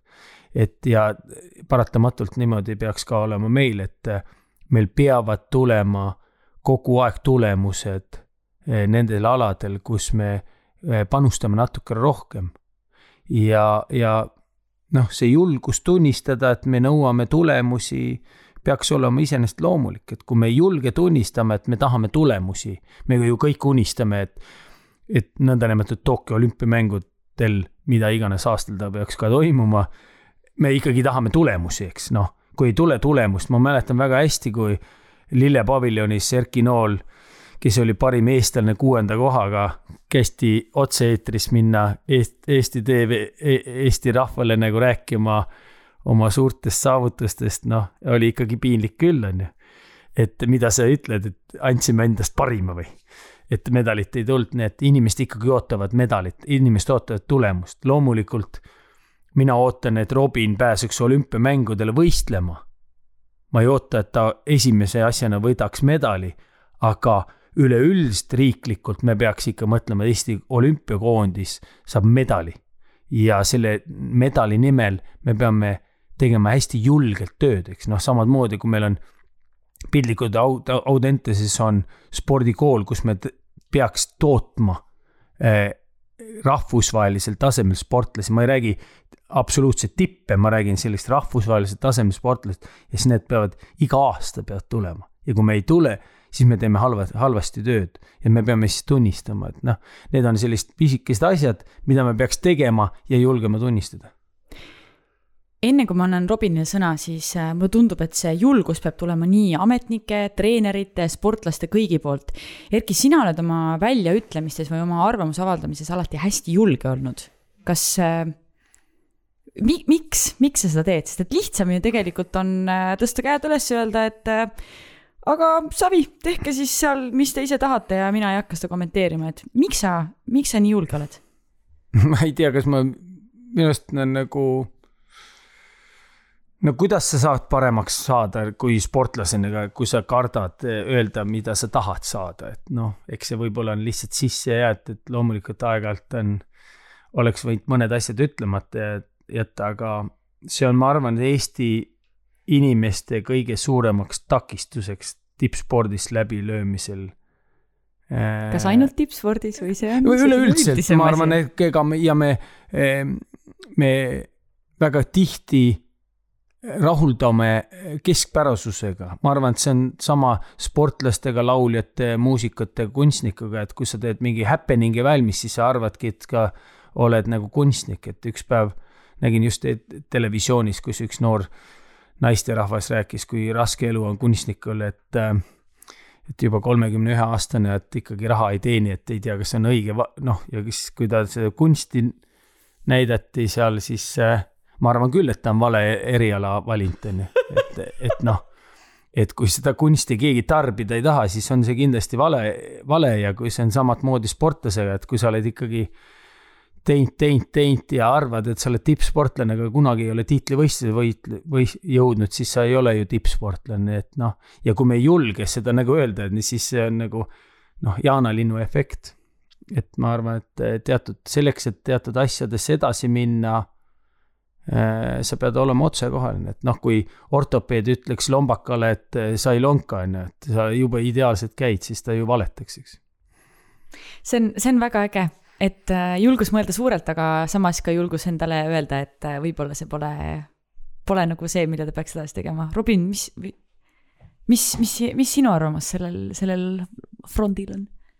Millisel frondil me käisime päris mitu tükki läbi just. jah, et kuidas, kuidas või mida me peaksime muutma täna Eesti spordikultuuris selle jaoks, et äh, sportlased oleksid edukamad, äh, rohkemaks motivatsiooni, noored liiguksid rohkem ja kõike muud ka? kui ma ütlen ausalt, siis äh, no eks, eks Erki ütles, et alati saab paremini, aga, aga ma ei näe küll seda praegust Eesti spordipilti nagu väga katastroofses seisus um, kui ma võrdlen näiteks Ameerika Ühendriikidega, siis ikkagi see keskmise Eesti inimese mitte ainult teadmised spordist, aga ka see viis, kuidas nad on ise seotud spordiga, on, on väga palju tihedam kui, kui mujalt maailmas leidub. Ja ka praegu, kui käia metsas jooksmas, siis on päris keeruline, on pidada kinni kaks pluss kahest, sest lihtsalt nii palju inimesi on öö, sportimas kui rääkida tippspordist, siis võib-olla esmalt peakski nii-öelda spordipoliitikas paika panema selle ähm, eesmärgi, et kas eesmärk on saada mõned üksikud väga-väga-väga head sportlased või siis rohkem sportlasi äh, üleüldse, kes on võib-olla mitte siis tippsportlased, vaid tavalised sportlased, õnneks meil on tippspordikomisjonid ähm, olümpiakomitee, mis tegelevad selle tippspordiga ja kui äh, täpselt nagu Erki ütles, et kui me iga olümpiamängud saaks ühe või rohkem medalit kätte, siis meie rahvaarvu kohta see, mina arvan, et on, on, on hea tulemus, aga see ei tähenda seda, et me peaks olema sellega nii-öelda rahul või et me ei peaks rohkem üritama. Lihtsalt sellepärast, et nüüd me saime selle miinimumi kätte ja, ja aitab küll, aga ega mul puudub selline spordipoliitika kogemus ka. Seda on tegelikult äh, nii tore kuulda, et tõepoolest meil on äh, tänasel hetkel eriti palju inimesi, kes õues liiguvad ja jooksevad, et ma ise ka üritan siin põõsastesse hüpata, et äh, vältida inimesi ja mitte kokku puutuda, aga mis te arvate, mis mängib kõige suuremat rolli selles, et me inimestena liiguksime rohkem, kas see on koolihariduses, vanemates või mis on nagu need kohad, kus peaks rohkem panustama? kui me vaatame tulevikku, siis kindlasti kooliharidus, et ega eh, see, mis sa lapsepõlvest kaasa saad, et loomulik liikumine, mis sul on lapsepõlvest kaasa antud, see jääb su elu lõpuni, et ega kui sa pole ju harjunud liikuma kümne aast-, kümne, kümnendast kuni kahekümnenda eluaastani, siis võib igasugused eh, naljamehed Erik Orgu-sugust oma pla-, pla, plaanidega välja tulla, et ega sellest pole mitte mingit tolku, et noh, et äh, kõige võti on ikkagi selles, et sa, sa pead lapsed panema, õpetama liikuma ja selles suhtes oleks tänasel hetkel koolihariduse võib-olla isegi muutmisel kõige suurem nagu võtmeroll just vaadates tulevikku silma, silmas. Robin, mis sa arvad? Ja ma arvan, et see sportimine ja spordi tegemine on, on riikide või kultuuride mingi osa ja, ja kui võrrelda siis näiteks Ameerika Ühendriike ja nende sportimistavasid või rahvasporti ja näiteks Norrat või Rootsit, siis on, on selge, et seal on mingid erinevused sees. mille pärast need on, ma arvan, et see küsimus ongi vaja selgeks teha ja siis need kogemused või, või õppetunnid nagu rakendada meie elus. et kas selleks on siis um, koolis rohkema kehalise aktiivsuse kaasamine või, või, või midagi muud praegu õudusega kõik need mõtlevad, kes kehalise kasvatuse tunde vihkavad südamest, et ei, ma ei taha rohkem kehalisi tunde, ma ei oska palli visata. Võib-olla see ongi üks, üks, üks probleem, et, et äh, need kehalise kasvatuse tunnid on nagu äkki võib-olla sellise ülesehitusega, et nad ongi ebameeldivad, et tegelikult sportimine ja spordi tegemine ei, ei tohiks olla ebameeldiv. et see peaks olema midagi, mis annab su elule väärtust juurde. ja niikaua, kuni sa mingi rööbaspuude kava kardad nagu tuld, siis, äh, siis ega sa ei lähegi ju ähm, metsa jõulinnakusse neid rööbaspuid proovima. no tegelikult on selle liikumisega ikkagi ongi, et mida vähem sa liigud, seda raskem ta on, et isegi mina, kui siin olen natukene laiskalt viimase kuu aja jooksul, siis äh, esimene trenni on väga keeruline füüsiliselt pingutama panna ennast, et aga see tuleb ruh-, suhteliselt ruttu tagasi, et ma tean seda tunnet, mis paari treeninguga milline muutus toimub, nii et äh, lapsed, kes üliharva liiguvad äh,, noh, kui me vaatame, et meil on enamus klassid või lastetunnid on niimoodi, et üks kord nädalas kaks äh, õppetundi korraga, et ja üks kord nädalas, siis see on nii vähe ja kui keegi on veel haige ka, siis ta ütleb, võib-olla iga kolme nädala tagant alles peab ühe korra liigutama, et siis loomulikult on see nii, nii kuratlikult ebamugav ja, ja tekibki selline vastumeelsus, aga ma arvan, et lihtsalt äh, me peame oma ühiskonna nagu suhtumist muutuma, muutuma, muutma, et äh, liikumine ongi mm, tervise edu aluseks, nii et äh, mida rohkem liigud, seda suurema tõenäosusega tervem sa oled, nii et kui see ühiskond aktsepteerib seda, siis see samm-sammult see läheb paremaks ja no sa ütlesid, et sa kuu aega siin ei ole väga palju liikunud, ma arvan, et meil kõigil on siin karantiinis äh, päris keeruline olla ja leida motivatsiooni trenni tegemiseks, et äh, kuidas teil praegu treeninggraafik välja näeb? no minul on väga lihtne, minul on kaootiline, sellepärast et mul ei ole ühtegi eesmärki. tegelikult mul üks väike eesmärk on, aga, no aga mul on Erki, mis see on? ütle välja. no kuna mul väga suuri eesmärke ei ole, siis tea, see ei ole nii üldse nii tähtis, et seda peaks välja ütlema. miks? see oleks nii põnev oleks teada. ma arvan, et on väga palju inimesi Eestis, kes, kes kuulaksid seda, mõtleksid, oo, Erki Noolel on selline eesmärk. ma nüüd lähen ütleme, mul on pingutan jah ka. selline eesmärk, et äh, see on lihtne eesmärk selles suhtes, et iga inimene suudab seda teha. selle raskusega suudab seda teha. nii, nagu kuule mul on väga huvitav praegu, füüsiline raskus on väga lihtne, see on kakskümmend kilo. Nagu olümpiakang, mis on kahekümne kilone. mul on eesmärk teha tuhat korda järjest rinnalt surumist, et mul sel aastal on kuussada kuuskümmend korda juba teinud, et mul eesmärk on teha tuhat ära, et vaatab, kuna see välja õnnestub ära teha, aga ma mõtlesin, et see on ikka Oota, mingi lihtne asi, et mingi kümme tuhat sammu päevas või midagi siukest, mida iga inimene suudab teha. Või tuhat Ironman või midagi sellist.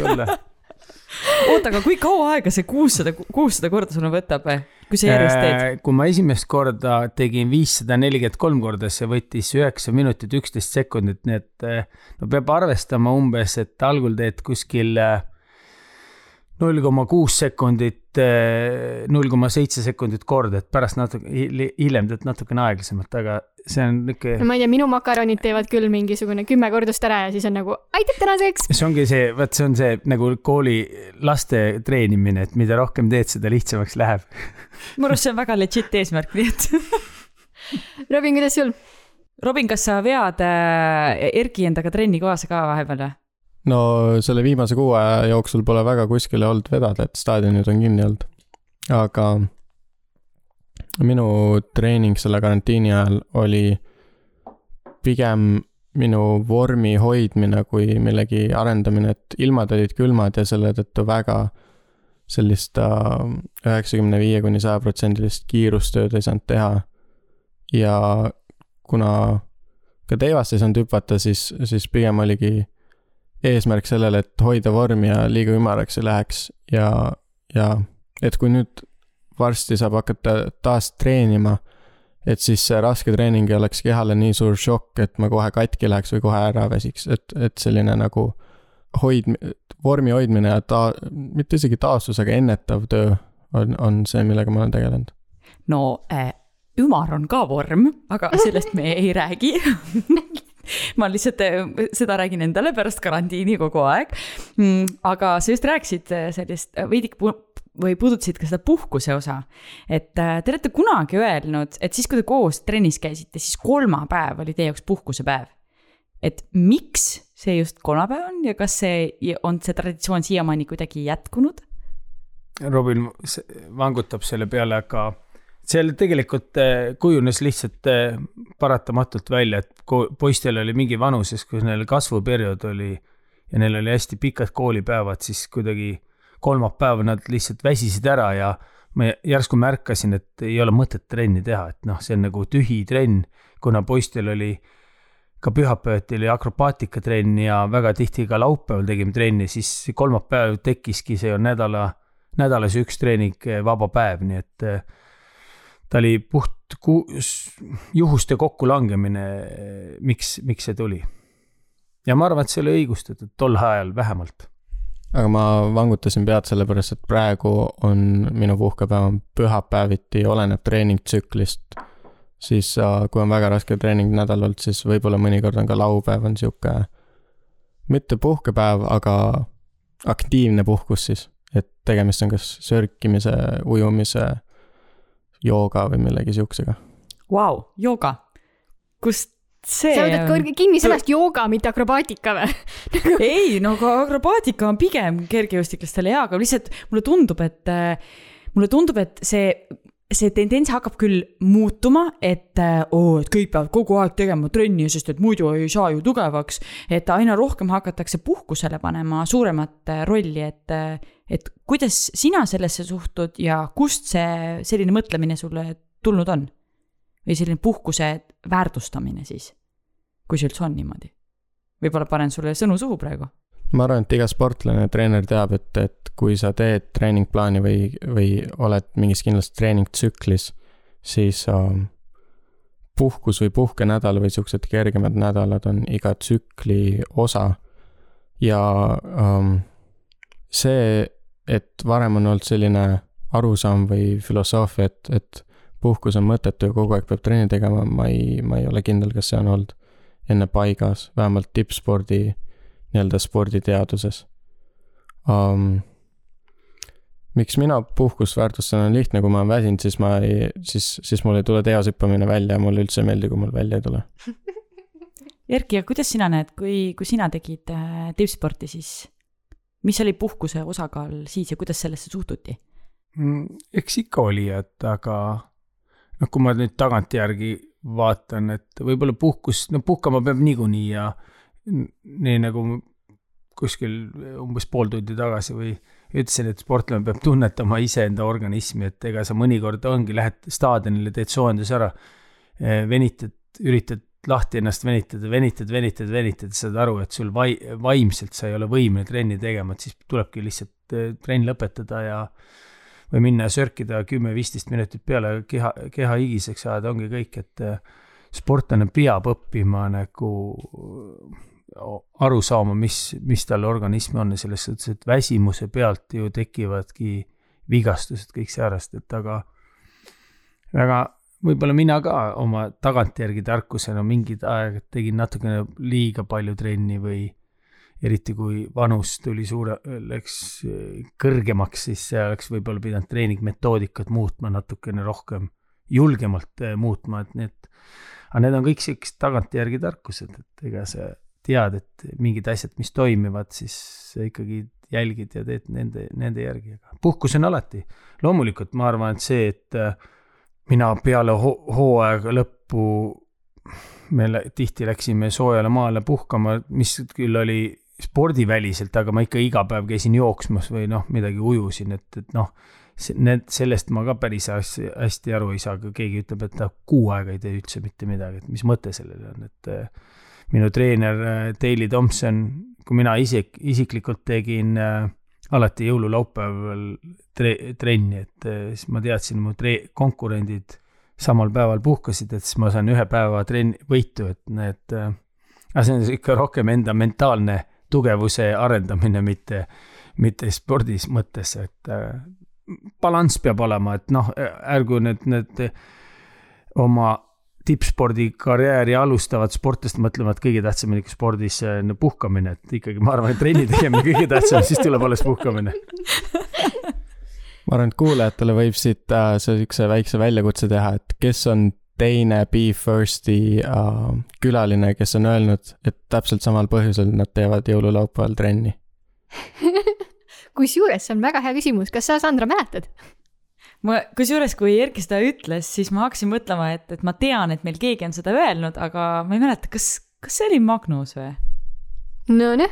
kurat, ütlesite ette tuli ära juba, aga no me võime välja lõigata selle osa.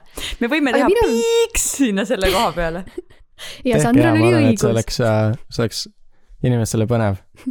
Davai, väga lahe. ja siis peavad kõik need saated lihtsalt läbi kuulama I like how you think minu jaoks on äh, alati, noh, öeldakse, et sa pead tunnetama oma keha, on ju, aga kas teil on mingeid nippe või trikke, et kuidas ma aru saan, et ma reaalselt vajan puhkust, mitte et ma lihtsalt äh, ei ole laisk?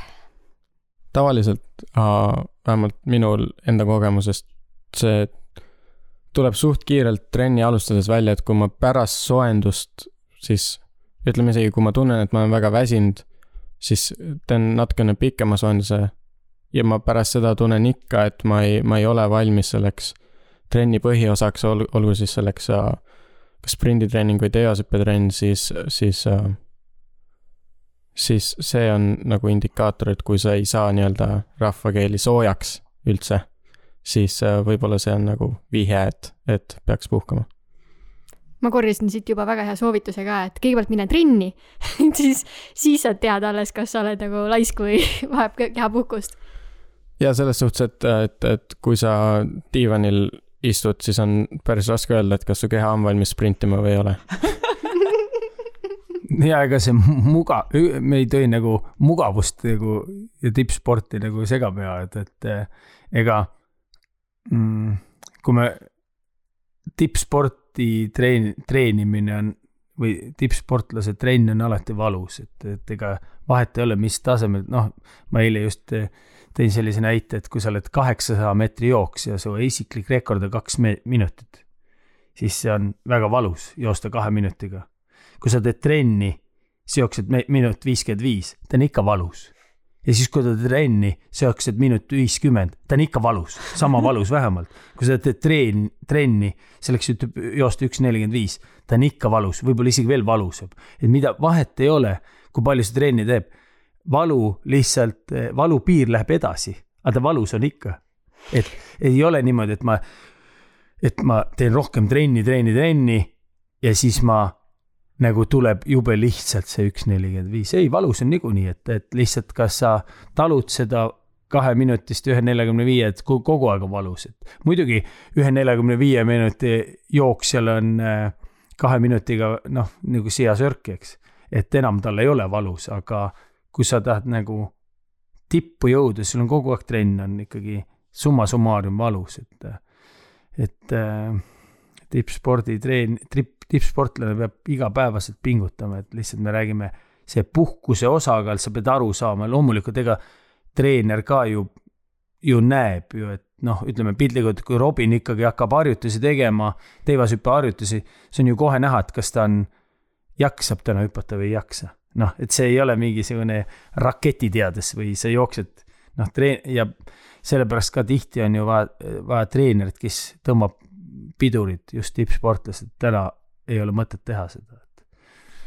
see on nii äh, huvitav, et kust see oskus tuleb üldse treeneril näha selliseid asju, kas see on lihtsalt kogemuse baasilt või ongi mõni treener lihtsalt loodud selle jaoks, et ta saabki kohe aru, vaatab peale ja ütleb, et okei okay,, nii on.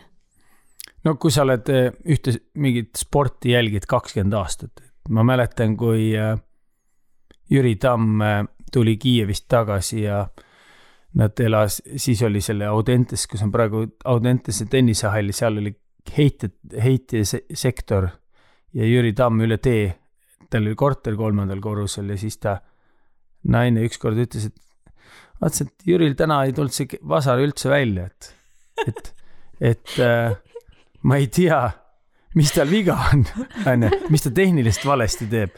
aga ta on elu nii palju seda näinud, isegi noh, inimene, kes igapäevaselt töötab, saab aru, et täna on jama.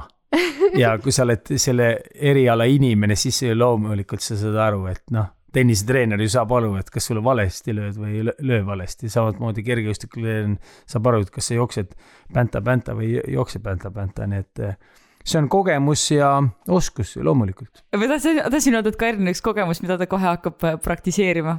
mulle tundub, kus ma vaatasin kella.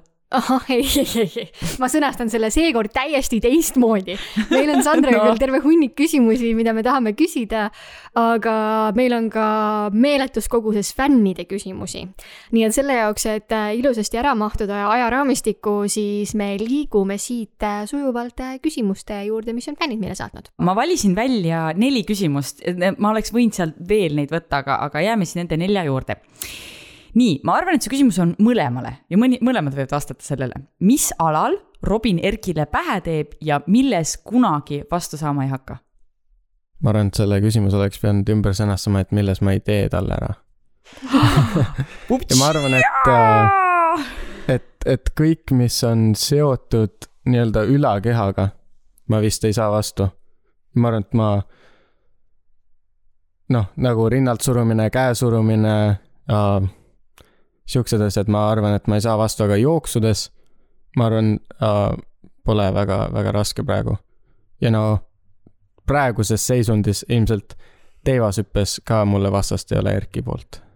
jah, ma arvan, et on loogiline, et, et aga ma arvan, et veel jah, selline ülakeha ja mingi noh, ülakeha jõud on kindlasti mul veel, ma loodan ikka paar aastat veel parem, aga milles kunagi Robin paremaks ei saa, ma arvan, et keeruline läheb kümnevõistluse tulemuse tegemisega ja ma ja ma arvan, et äh, ma arvan, et äh, mõningate jooksualadega ka sada ja nelisada vist on kui te, kui te praegu. lihtsalt tõmmati mikrofon nina alt ära ja peaks veel midagi. pilti nägema praegu.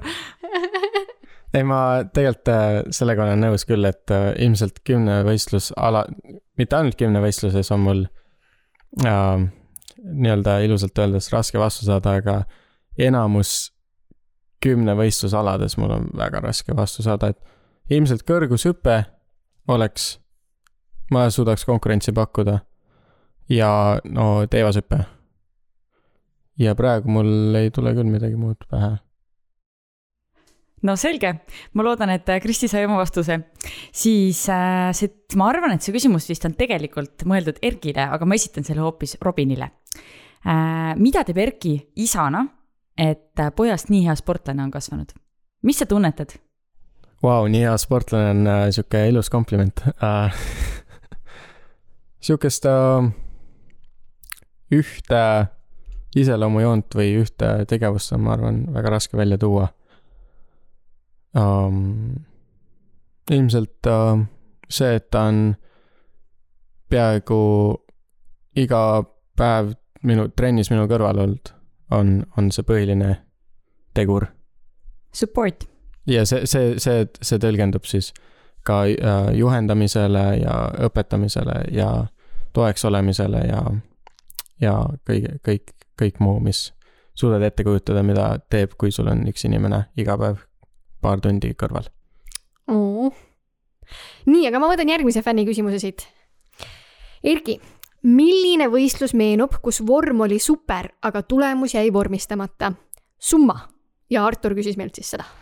no ma arvan, et kõige konkreetsem, kus ma äh, olin äh, pid-, pidanuks võitma, on Sevilla maailmameistrivõistlust, kus ma sain teivashüppes nulli ja oma esimese täiskasvanud äh, võistlemise ajal saadud null üldse teivashüppes, nii et ega ma teivashüppes sain oma karjääri jooksul ainult mõne üksiku nulli, nii et äh, see on kõige reaalsem, kus ma ei realiseerinud oma tulemust ja maailmameistritiitel mul jäigi kahjuks oma spordikarjääris saamata, et ma sain küll mõne, mõned korrad hõbemedali, aga kulda ei saanudki. mis seal tuli seal, see olümpiavõit tuli ju ära, mis sellest maailmameistrivõistluse tiitlist ikka noh. Sandra, sa panid küll siin ainult kolm küsimust, aga siin on üks nii tore küsimus, no mida ma küsi tahaks, küsida. küsi, ma tegelikult panin On neli, aga Kairi muudkui vahetas siin küsimusi, mida ta ma siin tahtis. teen siin neid ümber ja võtan siit veel neid, siin on nii toredad küsimused. aga Anette-Liis küsis, et äh, mis teeb teile spordi juures kõige enam rõõmu? minu jaoks, minu jaoks on nagu spordi, minu isikliku spordi tegemisel oli see, et äh, eneseületamine, et ma nagu olin mingi eesmärgi püstitatud ja äh, võidurõõm, mulle meeldib õudselt võita, et mis oli ka, ma arvan, mingiks, mingil määral minu spordikarjääris ka takti-, takistuseks, miks ma ei teinud äh, sellist äh, maksimaalset tulemust, mida ma võinuks teha, aga ma rahuldusin alati võiduga, et kui ma võidu kätte sain, siis mulle piisas sellest, et kasvõi ühe punktiga ma pidin nagu pidin võitma. Robin? Anette-Liis küsis nii hea küsimus, et mul oli terve aeg mõelda, kui Erki vastas ja ma ikka ei mõelnud selget vastust välja, aga aga mulle toob sport rõõmu sellepärast, et mulle meeldib näha täpselt samamoodi, kuidas ma ise arenen, esiteks. ja teiseks, kui spetsiifilisemalt teivashüppest rääkida, siis see, see tunne, mis, mis mina teivashüppes saan, on lihtsalt nii, nii teistsugune kõigest muust, mis ma igapäevaelus kogen, et, et äh, see tunne, kui äh, sa oled paar meetrit õhus või noh, viis-kuus meetrit õhus, praegu veel viis, siis äh, ja kukud selg ees mati peale, mitte miski sind ei takista, on, on, on päris hea tunne, eriti kui sa hüppad latist üle. Vau, see tõesti kõlab nagu väga süda hea tunne. lihtsalt mingi. nagu maa ja taeva vahel lihtsalt selg ees, ei tea, mis ees on. kõlab tõesti nagu parim pühapäev ever. aga aga meie viimane fänni küsimus. kas sa ka tahad Kairi ise küsida selle? ma küsin selle ära, siis sa saad soovituste juurde minna. Davai. Kärt küsib, et äh, kuidas tulla noore sportlasena toime ebaõnnestumistega? ma arvan, et väga lihtsalt selles suhtes, et sport ongi üks, ebaõnnestumine ongi spordi juurdekuuluv asi ja ma arvan, et äh, kõige tähtsam noortel sportlastel on üldse võrdlus iseendaga, et äh, mitte konkurentidega või jah, just nimelt konkurentidega, et kui me võtame kõige lihtsama mm, näite, siis äh, teatud vanuses lastel, näiteks neljateistaastastel lastel, äh, üks asi on numbriline vanus, aga teine on bioloogiline vanus ja see võib eris, e-, erineda inimestel peaaegu kolm aastat, nii et sa ei saa neljateistaastast lapsi ei tohi kunagi võrrelda teisega, et peab alati iseendaga võist-, võist-, võrdlema ja kui noor laps hüppab, ütleme, neli meetrit kaugust, järgmine aasta hüppab neli kakskümmend, teine hüppab viis kakskümmend, siis ei ole mitte midagi, sa oled ikkagi arenenud. et seda peaks kõik lapsevanemad ja kõik lapsed ise jälgima, et kõige tähtsam spordis on areng iseenda, enda suhtes ja see ongi, et kui sa oled paremini teinud, teised hüppavad lihtsalt paremini või jooksevad kiiremini, siis see on see paratamatus teatud vanuses. võrdlema peaks hakkama alates kahekümnendast eluaastast, ma arvan. võib-olla, mis, tähendab, ma räägin siis omast kogemusest, sest mis mina alati mõtlen ebaõnnestumise järel, on see, et kui ma sellest kaotusest või siis ebaõnnetum-, ebaõnnestumisest midagi ei õppinud, siis ma olen kaotanud, et kui ma saan näiteks teibus nulli, aga ma suudan analüüsida, aru saada, miks see juhtus, kuidas ma saan tulevikus vältida, et mina uuesti nulli ei saaks või selles olukorras siis ei ebaõnnestuks, siis ma tegelikult ei ole ju laias laastus või suuremas pildis kaotanud, et ma olen lihtsalt õppinud. see on äh, nii paljudel edukatel inimestel. see oli sihuke klišee vastus, aga, aga, aga ma, vähemalt ma tunnen, et see on, see on äh, tõsi aga ma ei arva, et see on klišee, ma arvan, et väga paljud ei suuda mõelda niimoodi ebaõnnestumiste kohta, et kõik näevad ainult seda, et ma ebaõnnestusin ja sealt kaugemale ei lähegi tegelikult, on ju. ja üldse, ma ei saa üldse aru, miks klišee vastuseid äh, halbadeks peetakse, kui see on, kui seda nii paljud inimesed räägivad ja ütlevad, siis see ilmselgelt on, ilmselgelt on niimoodi. nii et äh, go klišeed! Aga meil on nüüd viimane rubriik jäänud ehk siis äh, teie soovitused meie kuulajatele ja esimene soovitus teie mõlema poolt siis äh, võiks olla, et üks asi, mida iga inimene võiks elus õppida. ma vastan siis, et iga inimene võiks õppida teisi inimesi kuulama. et kui me enne rääkisime sellest, et, et ähm, sportlased võiks küsida treenerite ja võib-olla siis nagu kahelda oma treenerite otsuses või siis vähemalt saada selgust selles um, mida nad teevad trennis, siis samamoodi peaks needsamad sportlased ka kuulama, mida nende treenerid ütlevad. Ja vastupidi ka, et kui, et kui sportlane ütleb, et ta on väga väsinud täna, siis treener kuulab teda ja ütleb, et okei okay,, täna me siis ei tee selle nädala kõige raskemat trenni. Ja um, see on siis ka üleüldisemalt terves ühiskonnas võib-olla um, ei, et ei, nii-öelda võib-olla ei tule kasuks, aga ilmselt midagi halba ka ei teeks. Sandra leidis oma hingesugulase.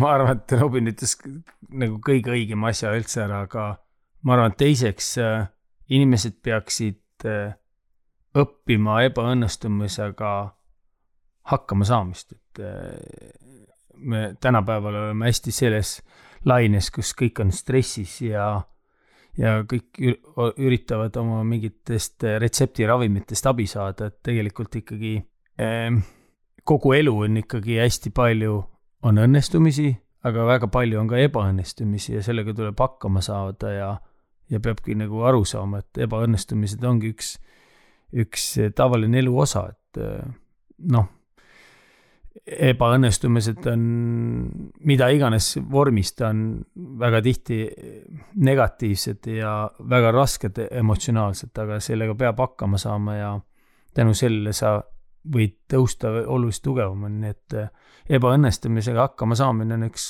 ma arvan, üks väga tähtis asi, mis inimene, inimesel peaks kaasas käima ja see on tõenäoliselt ka üks kõige raskemaid asju. kindlasti. aga ma liigun palju lihtsama küsimuse juurde ehk siis äh, üks Netflixi seriaal, mida te soovitaksite inimestel vaadata?